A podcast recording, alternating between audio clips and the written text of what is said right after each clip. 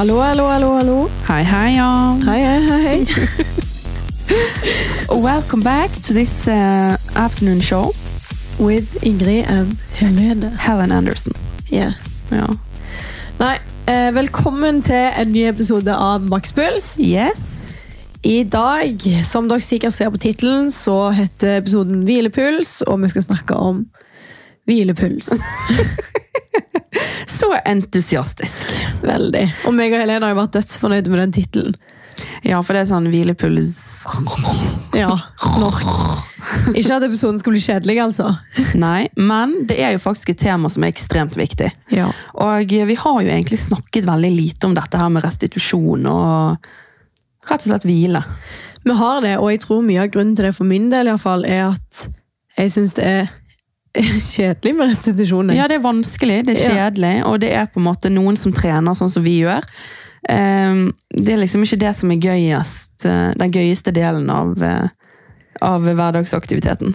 Nei, men så er det så jævlig viktig. Ja, men det er det det er. Ja. Og det er derfor vi må snakke om det. Vi kan ikke bare være makspuls og der oppe hele tiden. Vi må faktisk eh, ha en eh, hvilepulsepisode. ja.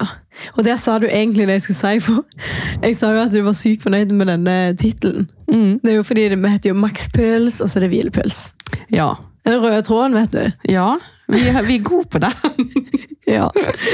Nei, men Hvordan går det med deg om dagen da, Helene? Det er sikkert eh, noen lyttere som lurer litt på det. Det tviler jeg egentlig litt på. Nei, uff. Men eh, jo, det går veldig bra. Ja. Og jeg eh, er faktisk eh, Jeg har det faktisk bedre enn på lenge. Oi, nå ble jeg glad. Ja. Jeg, eh, og det har veldig mye med maten å gjøre. For sånn som jeg har sagt før, så har det vært mye opp og ned med meg og den maten. Mm. Og det er på en måte noe jeg har syntes har vært vanskelig. Å få alle brikkene til å stemme på en måte når det kommer til eh, altså maten kombinert med treningen. da.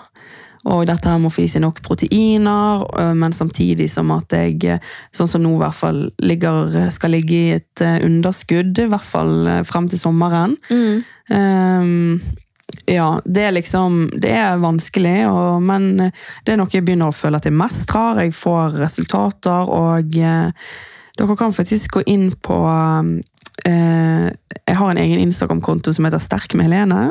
Der legger jeg faktisk ut en del updates på akkurat de tingene der. Det gjør du. Det er faktisk veldig kjekt å følge- med på. Mm. Men det er jo godt å høre at du har det bra, da, iallfall. Ja, Ja, det varmer et vennskapshjerte. og du da, min hønemor? Jeg har det faktisk òg ganske bra, men jeg er dødtrøtt om dagen. Ja, du eh, sliter litt med den søvnen, altså. Ja, det, Men det er på en måte sånn For jeg ikke det er vanskelig å sovne, og jeg har ikke problemer når jeg først velger å lukke øynene og prøve. Men du sliter ikke med innsovning, liksom. Nei. Det er bare det at jeg er veldig glad i å sitte på telefonen og se på TikTok og se på serier. Ja, det er en uting, det der. Ja, og jeg har litt OCD, det tror jeg du vet. Eller Det- litt sånn. Ja. Du er For- litt sånn kontrollfreak. ja. Og det som skjer da, er at når jeg først begynner på en ny serie, eller finner en serie jeg liker, Mm. Så skal jeg runde den fortest ja, mulig. For jeg får sånn OCD i hodet. Sånn, ok, jeg må, jeg må gå gjennom alt og så ei liste. Ja, Sånn du krysser av, liksom. det går jo ikke. Nei. Så det Det går ikke overens med dette her temaet. Og det er jo egentlig litt bra at du sier det, for det, at, um, det er jo veldig relevant for akkurat denne episoden. da. Ja, det er det det er. For det at jeg tror det er noe mange sliter med. Ja, jeg tror òg det. Jeg tror mange kan kjenne seg igjen i å ha både søvnvansker og problemer med å finne roen, og det ene og det andre rundt dette her med å hvile seg, da. Ja. Ikke bare sove, men liksom generelt slappe av. Mm, og jeg tror òg at folk kanskje syns det er vanskelig når det kommer til trening. Ja. Så um, det kan jeg relatere, i hvert fall. Ja, enig. Yes. Personlig så syns jeg at det er veldig vanskelig, dette her med restitusjon. Um, det er liksom Det er overhodet ikke min sterke side. Ikke min heller, altså. Nei? Det var det veldig før. Ja, var det det? Jeg var best på restitusjon før. Altså, Å slappe av, det var jo min eh, Det var jo min greie, det. Ja. Så eh, det, det er veldig sånn enten-eller med meg. For jeg er enten liksom eh, Men nei, altså etter at jeg holdt på å si treningen tok helt av og ble en så sterk hobby som det ble, på en måte, så eh, ble restitusjon svakere og svakere, altså. Ja, jeg, jeg forstår jævlig godt. Ja. Og bare sånn, Jeg er dårlig på mange av de rutinene som er viktige rundt restitusjon. Sånn Ja. som det med søvn eller det å ta en fridag for trening. Og det handler liksom ikke om at jeg får dårlig samvittighet når jeg tar fri. Ah, En liten smule, faktisk. Helt ærlig. Jeg er jo enig. Ja. Så får jeg litt sånn Jeg burde vært på trening. Så jeg klarer liksom ikke alltid helt å forstå viktigheten rundt det, og det vet jeg veldig mange andre òg sliter med. Ja, men du vet um... Det rapte du en liten, eller fikk jeg bobla? Nei, ja, det kom opp som luft. Jeg drikker energidrikk fordi at jeg er så sykt eh, trøtt i dag. Men um... Jeg lover det. ja, nei, jeg er helt enig i alt du sier. Og så er det noe Føler du òg på den at eh, når du er på Eller når du for eksempel har Sånn som du tenker spesielt for deg. Mm. For jeg er jo veldig sånn når jeg har fri hvis jeg, ikke skal, jeg, jeg kan ikke huske at jeg ikke har trent på en fridag. Nei, det er det. For da er jeg sånn Hva skal jeg gjøre? Jeg, må jeg, jeg vil på trening. Jeg vil på trening, liksom. Mm. Og du som på en måte, Det er jo ikke det at du har fri, du har jo en jobb du òg. Mm. Men du har jo en jobb som gjør at du, kan, at du styrer mye hjemmefra. sant? Og styrer hvor tid du skal jobbe og sånt. Mm. Og dermed har mer rom og plass for trening. Så jeg tenker det må jo være ekstra vanskelig for deg. Ja, du sier faktisk eh, Du sier noe der. Ja. Jeg sier alltid du sier noe der. Men eh, ja, du har rett, for det at jeg eh, Sånn så Jeg må fylle dagene mine med ting. Og veldig mange ganger så fyller jeg det jo med sånn jobb. sant? Mm. Men jeg er jo hjemme, så for meg så føles det ut som på en måte fri. Ja, det er jo det. Og da har jeg et veldig sterkt behov for å gå på trening, og jeg har ikke mye hverdagsaktivitet utenom heller. Nei. Så da er den treningsbiten veldig viktig for den aktiviteten min. Ja, og så er jo folk sånn, ja, du kan gå, du kan gå deg en tur, liksom, for det blir på en måte Um, aktiv restitusjon, på en måte. Men, men det, jo, det føles jo gjerne litt verdiløst for deg. Ja, så er det mange som har sagt sånn, ja, du kan jo ta trappene istedenfor heisen, eller gå til butikken, og sånne ting er faktisk veldig viktig. Men, Men det, trapper da, på en måte? nei, det er jo det, det går jo trappene hjemme da. Ja, du har ikke heis, altså. Nei, håper jeg får det i drømmeboligen en dag. Jeg tror ikke det er bra for helsa mi, altså. Nei. Men uh, i hvert fall da så um, er det liksom veldig lite av hverdagsaktivitet, så det behovet blir veldig sterkt for å gå og trene. Mm. Så jeg har jo brent meg veldig mye på det med at jeg faktisk har trent hele tida, hver dag Ja. før. Men vet du hva jeg tror? Mhm. Jeg tror at fordi det er jo sånn at det er jo ikke alltid. altså sant, Vi elsker jo å trene, Mm. men det er jo ikke sånn at du har skammye motivasjon hver eneste gang du skal gå og trene. Eh, Det er ikke alltid du har like lyst til å gå og trene. mm. Men så har det blitt liksom denne rutinen som du heller ikke vil slippe, fordi det er en rutine, på en måte. Ja. Samtidig som at det er en hobby. Alt det der blandet sammen. Mm. Og så tenker jeg at det er fordi at gjerne vi òg vet og har lært og opplevd sjøl viktigheten av å trene. Ja. Men jeg tror at grunnen til at vi og mange andre er veldig dårlige på restitusjon, er fordi at vi rett og slett ikke helt forstår viktigheten av restitusjon. Du har veldig rett i det. Jeg er helt, helt, helt enig. Skjønner du? Ja, jeg skjønner veldig godt, faktisk. faktisk, jeg tror at, selvfølgelig Alle har jo hørt at det er viktig å restituere, hvile mellom økter og bla, bla, bla. Men jeg tror at det på en måte for mange er en sånn Ja, skjønner du? Det går fint, liksom. Ja. Skal bare gjøre litt sånn, eller gå en liten tur der, eller Ja, og jeg tror at mye av det grunner i mangel på kunnskap om viktigheten rundt det. Ja, og litt vilje nå. Jeg kjenner jo sjøl at jeg er sånn Sånn som vi snakket litt om, at det faktisk er sånn at du Du har lyst til å gå og trene, sant? Og Ja. da er det også sånn da, Hvis jeg da skal ha en fridag og egentlig bare sitter og er rastløs, så har jeg så lyst til å gå og trene. At den Ja. viljen nå kommer liksom litt foran den viktigheten med å restituere. Ja, jeg skjønner hva du mener. Så det er veldig vanskelig, faktisk. Det er jo sånn, Man gjør jo veldig ofte det man har lyst til, fremfor det man ikke har lyst til. Ja. Men sliter du noe med søvn og sånn? Jeg sa jo at jeg gjør jo det, men gjør du det? Ja, og, men jeg slet ekstremt mye med søvn før. Um, og jeg går jo egentlig fast på sovemedisin, jeg. Mm. Så, så, eh, og det har jeg gjort i mange år. Ja. På grunn av at jeg har slitt så ekstremt med søvn. Det var så gale en gang. Det er mange år siden, men um, det var så gale en gang at jeg ble helt syk, liksom. ja. Sånn, jeg ble skikkelig, skikkelig psykisk syk. Var ikke du våken sånn ganske mange døgn i strekk, liksom? Jeg var faktisk våken eh, jeg husker, oh, jeg husker det så godt. Det var faktisk rundt påsken. Så det, og det begynner jo å nærme seg nå. Så det, Jeg husker det så godt. Jeg husker akkurat hvilken måned det var, hvilken tid det var. Eh, Jeg gikk på videregående. Og jeg sov ikke. Jeg gikk nesten tre måneder uten å sove. Og folk vil si at ja, det går ikke an. Men selvfølgelig duppet jeg av, og om natten så sov jeg litt. og så våk- Men jeg sov ikke i strekk liksom, i det hele tatt på de månedene. Åh, det da- må være helt Det må tære på. Ja, Da gikk jeg på en skikkelig smell, altså. Ja, Og det tror jeg eh, på. Ja, det var, litt, det var faktisk litt der det begynte for meg med det psykiske. Mm. At jeg rett og slett var så i mangel på søvn at jeg rett og slett ikke fungerte som menneske.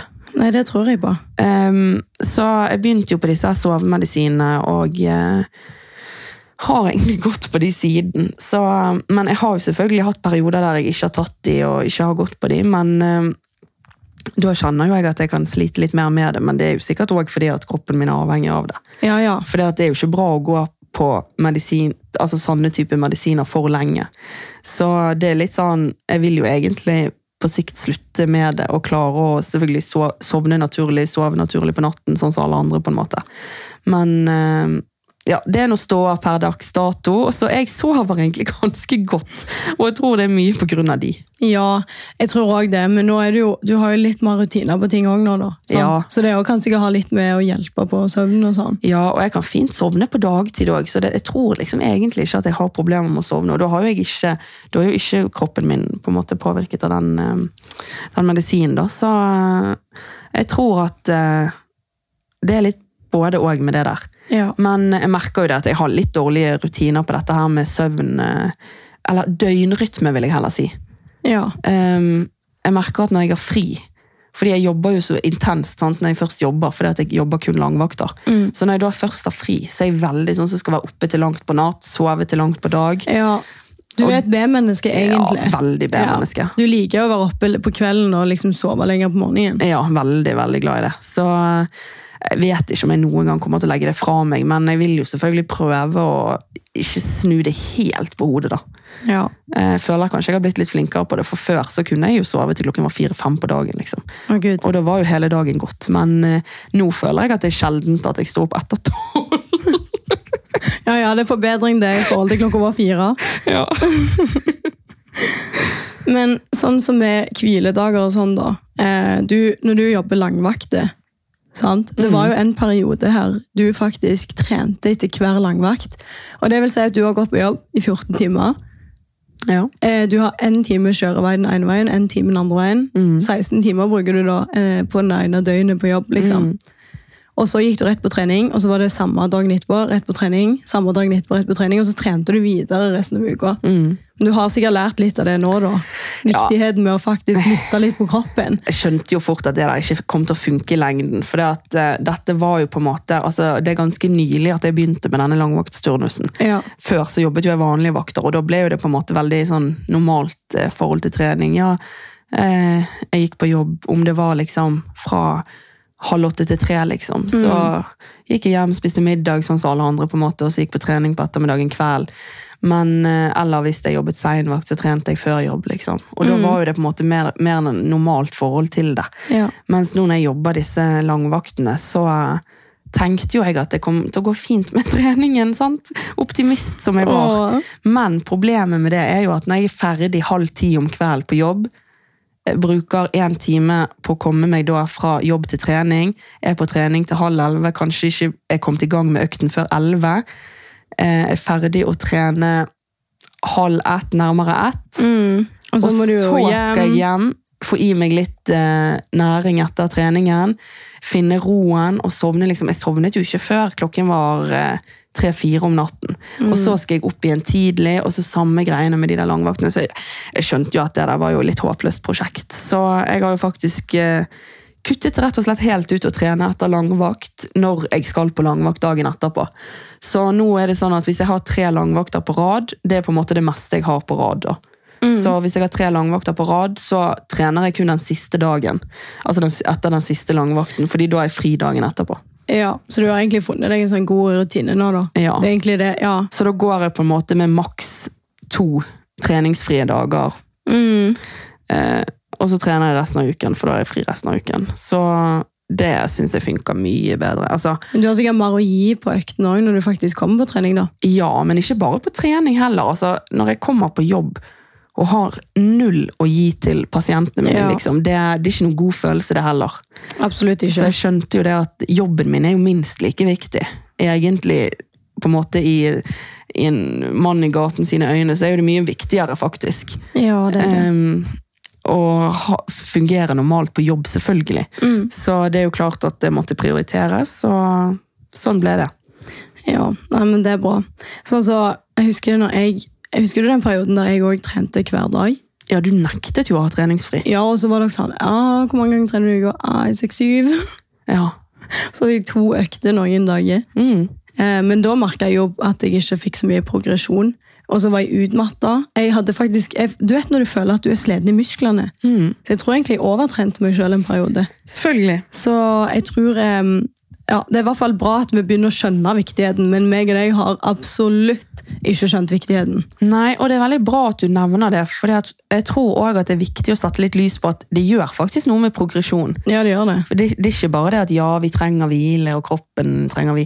Det er faktisk, eh, Hvis du har mål med treningen, så hjelper ikke det å ikke hvile. Nei. For da kommer du ingen vei. Og du sto jo fast ganske lenge og var litt sånn i en ganske lang stagneringsperiode. Der du var litt sånn What, hva skjer, liksom? Jeg trener jo hele tiden. Så, det litt sånn, så måtte du liksom komme litt der at ja, men kanskje det faktisk er det som er problemet. Ja, 100% Så det er ganske interessant, det der. Det er veldig interessant. Men eh, kanskje du eh, forklarer oss eh, litt eh, hva hvilepuls faktisk betyr? Ja, jeg tenkte at eh, det er sikkert ikke alle som vet hva, hva det betyr, så det kan være greit å nevne. Eh, men ordet hvilepuls, eller hvilepuls, eh, det betyr faktisk litt sånn at hvis du er en frisk voksen person, så har du normalt en hvilepuls på 50-80 slag i minuttet. Mens folk som er i fysisk dårlig form, kan ha en hvilepuls på opp mot 100 slag i minuttet. Og veltrente kan ha oppimot 30 slag i minuttet. Mm. Så det er veldig variert ut ifra hva fysiske form man er i. da. Mm, det er ganske sykt. Ja, Det er faktisk ganske sykt. Ja. Men eh, vet du hva hvilepulsen din er på? Eh, den er på ca. 52, men nå har ikke jeg brukt eh, så veldig aktivt pulsklokka mi. Nei. Så jeg eh, vet ikke hva den ligger på per dags dato, men jeg husker det var sånn rundt 52, 53, 54. Mm. 56. Ja. Det var alltid liksom på 50-tallet. Ja. Med deg, da? Ja, nå skal du høre. jeg har faktisk en sinnssykt høy hvilepuls. Um, og puls generelt. Makspulsen min òg er helt drøy høy, liksom. Ja. Uh, og det er fordi at um, Det er faktisk fordi det lærte jeg faktisk da jeg gikk i behandling eh, hos psykologen. Nå kler vi oss veldig ærlig her. yeah. Men det er faktisk en ærlig sak at eh, jeg eh, har jo i mange år slitt med angst. Mm. Um, og det er noe som faktisk påvirker pulsen. Og det er veldig rart hvordan måte det psykiske og fysiske kan gå så hånd i hanske. ja. Fordi at man skulle egentlig ikke tro at en som trener så mye, um, har en så høy puls på det generelle, både hvilepuls og Ja. Mm, ja. Men jeg har konstant høy puls. Nå skal vi se. ja, Nå sjekker Helene pulsklokka si her. Ja, nå var han på 88. Ja. Eh, og nå, og det, det er faktisk nesten til og med litt lavt for å være meg. Ja. Og da sitter vi her og slapper helt av i sengen under dynen, liksom. ja. Så um, akkurat det er litt kjipt, for det er jo klart at uh, en høy puls jo, gir jo sine Hvis du går med konstant høy puls, Mm. så gir jo det sine negative utslag i hverdagen. Og jeg kan jo kjenne på det at jeg merker jo at jeg blir veldig fort uh, Ikke sånn fysisk, altså fysisk sliten, men mer sånn sliten i hodet, ja. trøtt. Det har nok veldig mange eh, konsekvenser og bivirkninger av det å gå med høyt blodsukker. Nei, Det òg. det òg, absolutt. Nei, men høy puls, da. ja, Så um, det har det. Men eh, jeg har et veldig godt tips. ja. hvis det er noen som er i samme situasjon. Eh, så fikk jeg faktisk noe helt genialt til jul. Mm. I år. Nei, det blir jo i fjor, men ja. Forrige jul. og jeg fikk en vektdyne. Genialt. Og det så tenker sikkert folk sånn Hæ, hva er det med saken å gjøre? Mm. Men um, Det er altså ei dyne som da er litt tyngre enn ei vanlig dyne, liksom. ja, den som jeg har, veier ti kilo. Ja. Um, Og jeg bruker den ikke om natten, men jeg bruker den ofte sånn hvis jeg ligger og slapper av i sofaen oh, ja. om kvelden. på en måte de der, der jeg skal slappe av og liksom ha hvilepuls. da. Mm. Um, og pulsen gjerne er høy. Og eh, det er sånn Jeg hadde egentlig ikke så veldig tro på det, for å være helt ærlig. Mm. Jeg tenkte sånn, jeg føler jeg har prøvd alt. Det er ingenting som får ned denne pulsen min. Så, um, men eh, den har faktisk eh, gitt resultater, og det er ikke kødd. Det er så sykt. Når jeg tar på meg den vektdynen, så slapper jeg av. Altså, jeg slapper, altså, jeg slapper egentlig alltid av, så det er det som er så rart. Men det er jo tydeligvis noe inni meg, da. Men jeg kjenner at jeg slapper av på en litt annen måte.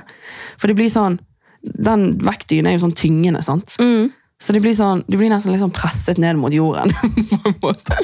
Ja, Presser sikkert ned hele pulsen din. den. Ja, og Ja. jeg går jo med denne pulsklokken og sjekker eh, Og det er jo klart, det er jo ikke 100 nøyaktig en vanlig pulsklokke, liksom, men det er jo en slags pekepinn. Ja. Og det har jo vi sett òg når jeg har tatt min pulsklokke på dere, så viser jo den mye lavere på dere, sant? så det blir jo uansett en pekepinn. Mm. Og den synker ganske mye når jeg bruker den vektdynen. Det er veldig interessant, da. Så det er Ja, Det var et godt tips. et lite tips fra meg. Ja. Ja vel, da har vi snakket eh, ganske mye om eh, søvn og puls. Så tenkte jeg egentlig at vi kunne gå litt mer inn på restitusjon og viktigheten med det å faktisk restituere. Men òg spesielt i forhold til en aktiv treningshverdag.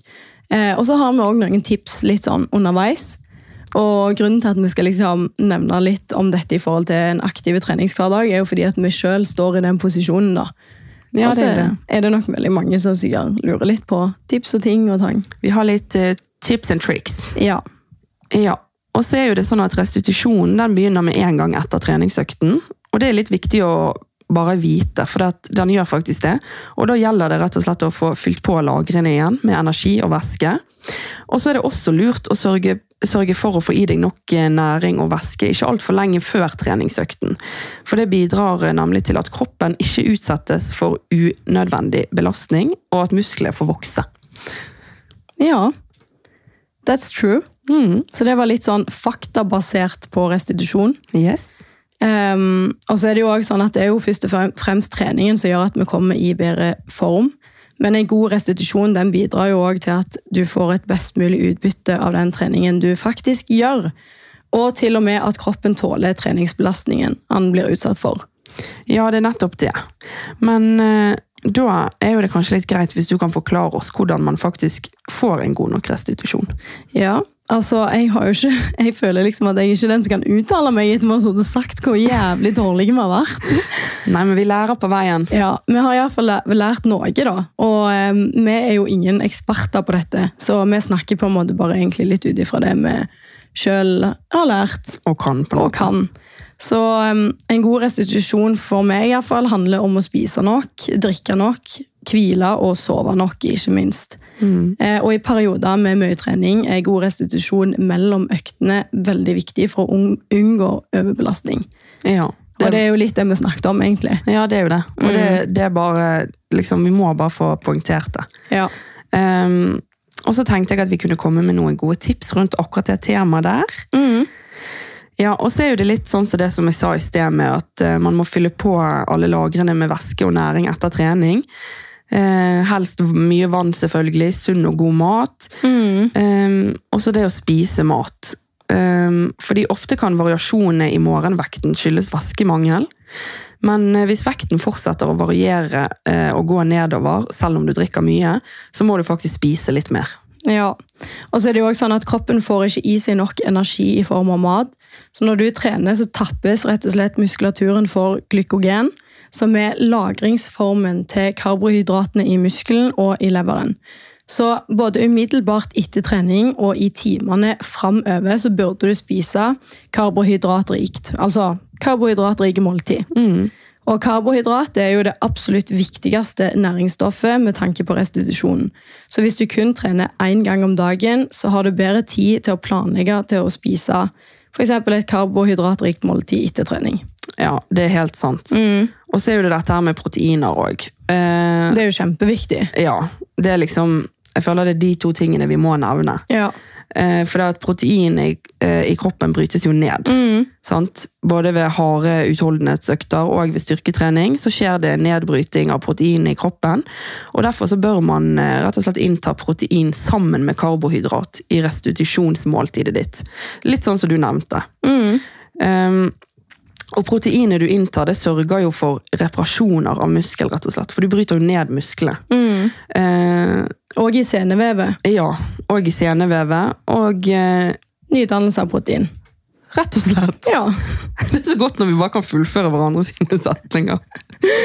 Å, ja. Vi har altså notert litt, men det er jo fordi vi har lyst til at dere skal rett og slett få litt god informasjon, på en måte. Ja. Ja.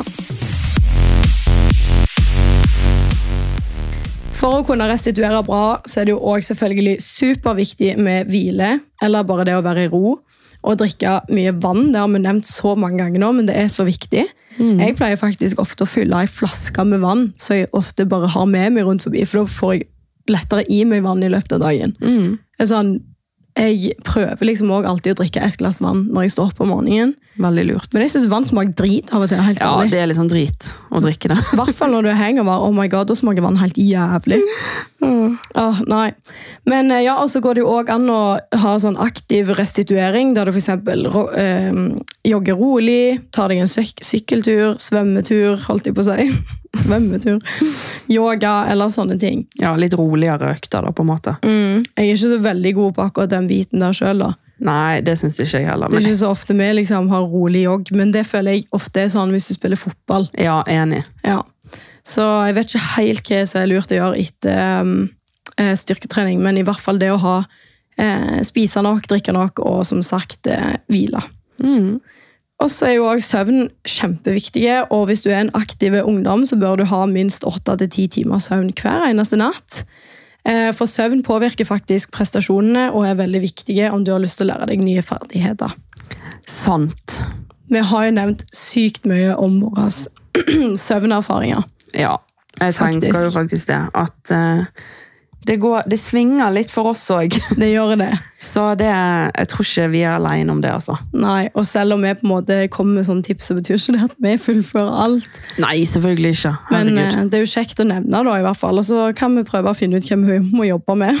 Ja, men det er jo det. Det er alltid noe å jobbe med. Mm. Og eh, der er jo vi er jo de første til å si at vi kan jo absolutt bli bedre på den restitusjonsdelen. Ja, altså Vi er jo på en måte hobby altså Jeg vet ikke hvordan vi skal kategorisere oss alltid, men vi er jo veldig glad i å trene. og vi trener, Jeg trener iallfall seks dager i uka. Mm. Eh, men jeg føler fortsatt at jeg er ikke den der personen som på en måte skal konkurrere, stille. Altså For meg så er det jo viktig å oppnå resultat. Mm. Men jeg er liksom ikke en proff, så det er derfor vi snakker sånn ut ifra erfaringer sjøl. Sånn. Ja, men jeg tror det er litt greit òg, for det at eh, det viser jo at selv om vi på en måte sitter på mye av denne kunnskapen, så er det på en måte det noe med det der at det er lett å gi tips til andre, men ikke alltid følge det sjøl. Ja.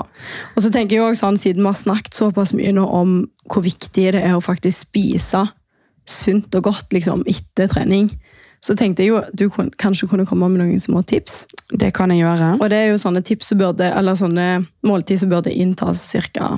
innen 30 minutter etter ei endte treningsøkt. Ja, og det er jo rett og slett noe som heter restitusjonsmåltider. Og det er jo sånn som vi snakket litt om, det som inntas eh, når restitusjon begynner. Mm. Og da er det noen tips jeg kan komme med her. Og det er melk, sjokolade og yoghurtdrikker. Det er jo litt for å få i det meieriet- meieriproduktene. Mm. Eh, brødskiver med proteinrikt pålegg. Smoothie eller juice. Sant? Dette med å få i seg frukt og Mm. vitaminer. Bananer. Eh, gresk yoghurt med frukt eller bær. Eh, barer, typ proteinbarer, men som også altså både inneholder karbohydrater og protein. Mm. Sportsdrikk med protein og karbohydrater til de som ikke alltid orker å spise så mye rett etter trening. Ehm, og så er jo det ja, litt det samme med Yoghurt og sjokolademelk og ja, sjokolademelk eller proteinshake eller Mm. uh, ja. Altså Min go-to det er alltid banan og proteinshake. ja, det er konge. Eller så husker jeg det var en periode vi faktisk alltid Husker du det når vi alltid hadde trent, at vi satte oss i sofaen på gymmen og spiste sånne riskaker? er? Riskaker og Med, ost, med ostesmak. De er Mm. så gode. Ja, vet du hva? Men riskaker er faktisk veldig genialt å spise rett etter trening. Ja. For det er ikke for tungt heller, på en måte. Nei, det er veldig lett å spise. Ja, Og så er det liksom carbs, men det er, og så har du proteinshaken ved siden av. Det var, det var gull. Det må vi begynne med igjen. Ja, det er koselig. Ja, Men om du òg merker at det kommer litt an på dagsformen på hva du spiser etter trening. ja veldig. Sånn, Hvis du er, gjerne har spist litt lite en dag, eller er dødssulten etter trening, så er det mye lettere å få i seg Mm. eh, mat. Mens når du på en måte er sleden, kanskje Nei, sleden. Ja, når du er sleden og mett, Ja. så frister det liksom ikke så sykt å hive i seg så veldig store måltid. Nei, da vil du liksom ofte bare hjem på sofaen. Ja, Men jeg tror det er ganske viktig å få i seg et eh, stort og godt måltid en times tid etterpå. Jeg er ikke helt sikker, men eh, Ja, ja, at du liksom- sørger for å fylle på. Det er sånn cirka den tidsrammen der, ja. Ja, Noe sånn. Mm. Og så er det jo også litt sånn, med tanke på blodsukkeret mitt, og siden jeg har diabetes, så er det iallfall viktig for meg å innta mat. Mm. Eh, og det er òg veldig viktig å ha med seg eller at jeg har med meg mat på trening, da, i tilfelle det faller. Og Det er ganske sykt å se, egentlig, for jeg føler at jeg kan tracke dette, denne viktigheten med mat da, etter trening ut ifra at jeg har de blodsukkersvingningene som jeg har. Mm. Og det er liksom, jeg tror det er jo greit nok at gjerne ikke at Du har jo ikke diabetes, men du kan jo kjenne når du har lite, eller når du har lågt blodsukker. Ja, ja. Det gjør jo man. Så det er veldig interessant, egentlig.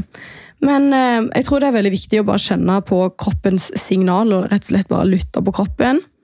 Um, hvis du er helt utmatta etter en treningsøkt, så er det veldig sannsynlig at du trenger en god pause før neste økt igjen. Mm. Og hvis du har planlagt en skikkelig hard økt med å føle deg sliten, så bør du heller trene rolig.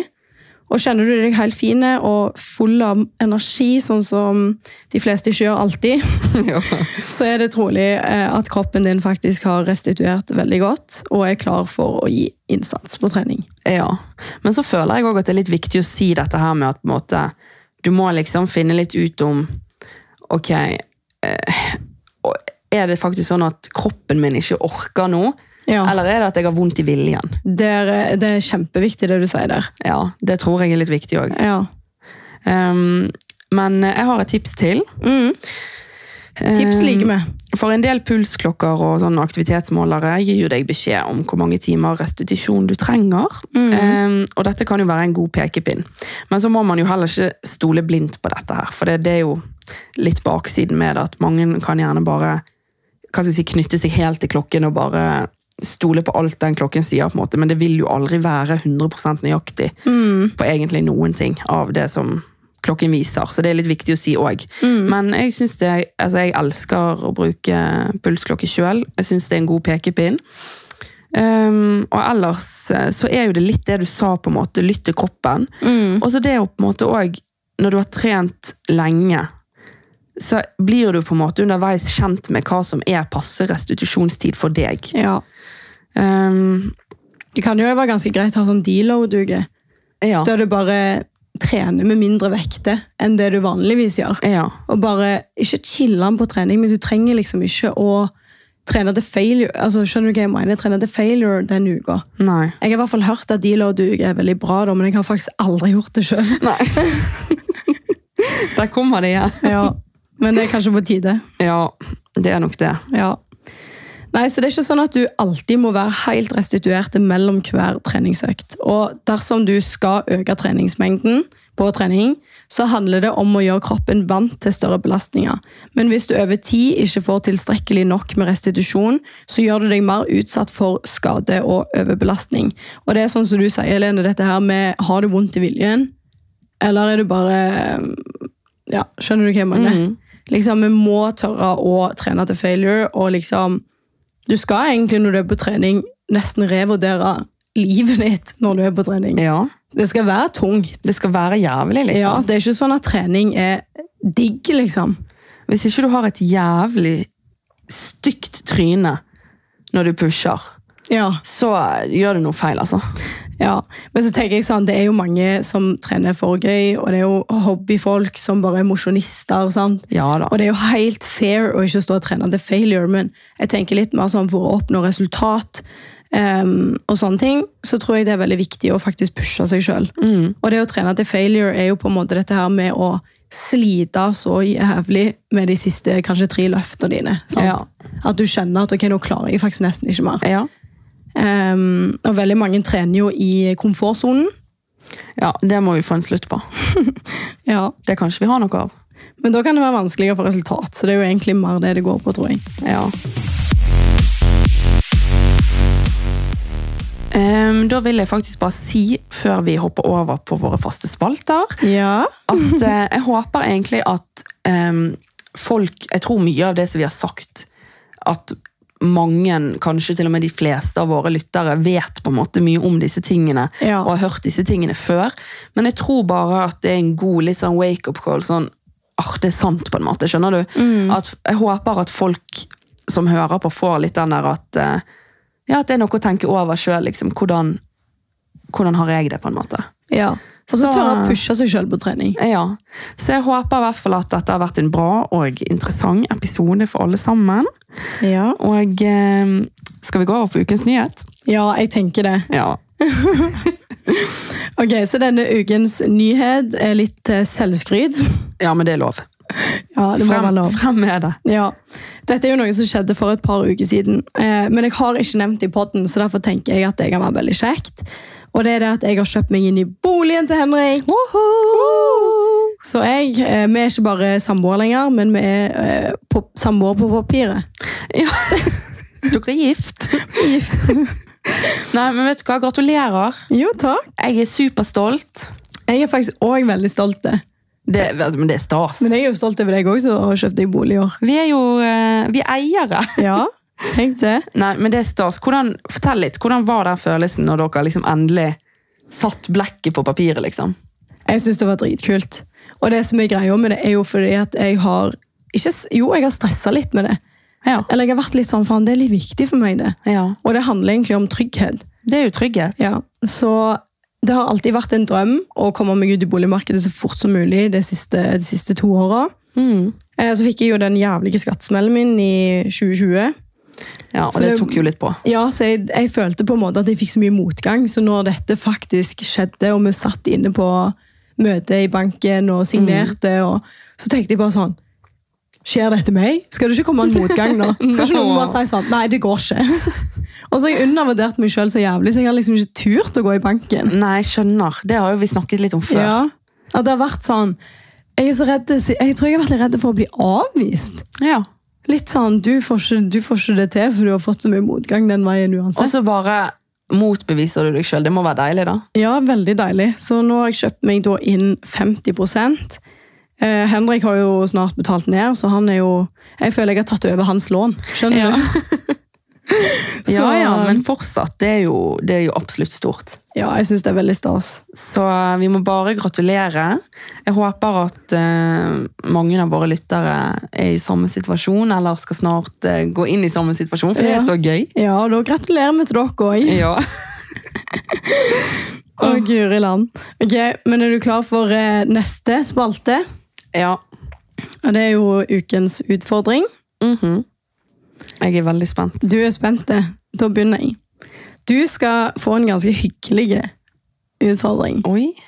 Det, det kan være litt klisjé, egentlig. Har du vært på godsiden? Ja. Eh, så jeg tenkte at du skulle skrive liksom, en fin melding til noen du er glad i. Og det skulle du gjøre til tre personer. liksom. Bare Åh. sånn fin random melding. Trenger ikke være sånn jævlig lang eller overdreven, men sånn naturlig fin melding. Og så skal du dele det på Instagram med svaret. Ja. Bare for å liksom Nei, men vet du hva? vise Det, godhet. det skal jeg gjøre. Ja. Så koselig. Ja. Den var litt fin, og jeg syns det var en fin utfordring. For det at eh, på en måte, man er jo, De aller fleste har jo noen i livet sitt som de er veldig glad i. Mm. Og det er ikke alltid vi er så holdt på å si, i en hektisk hverdag at vi er så flinke til å sette ord på, på hva vi syns om hverandre. Og faktisk si liksom, hei, jeg er faktisk veldig glad i deg. ja. Så jeg tenkte du kunne, du kunne få gjøre det. Ja, men den skal jeg gjøre. Ja.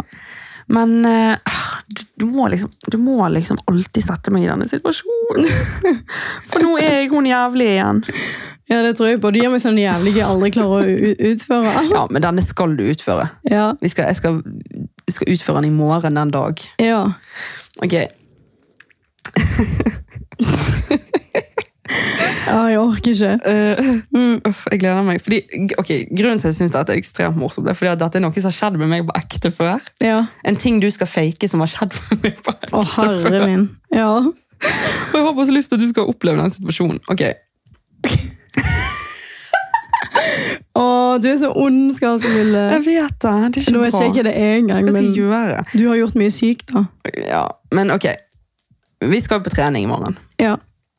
Eh, så du skal rett og slett eh, Du skal rett og slett fake en failure på benkpress uten spot.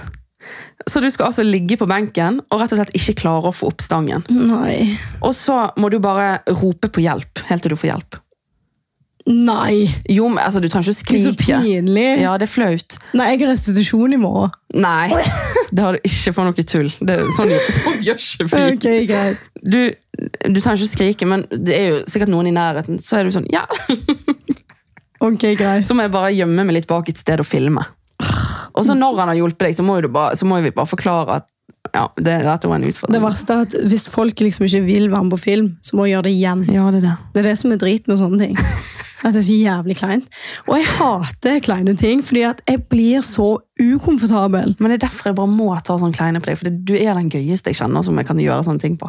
Ja, Men det er fordi jeg elsker å være i komfortsonen. Jeg. Ikke på trening og løfting, men når det kommer til sånn, Ja, sånn sånne ting.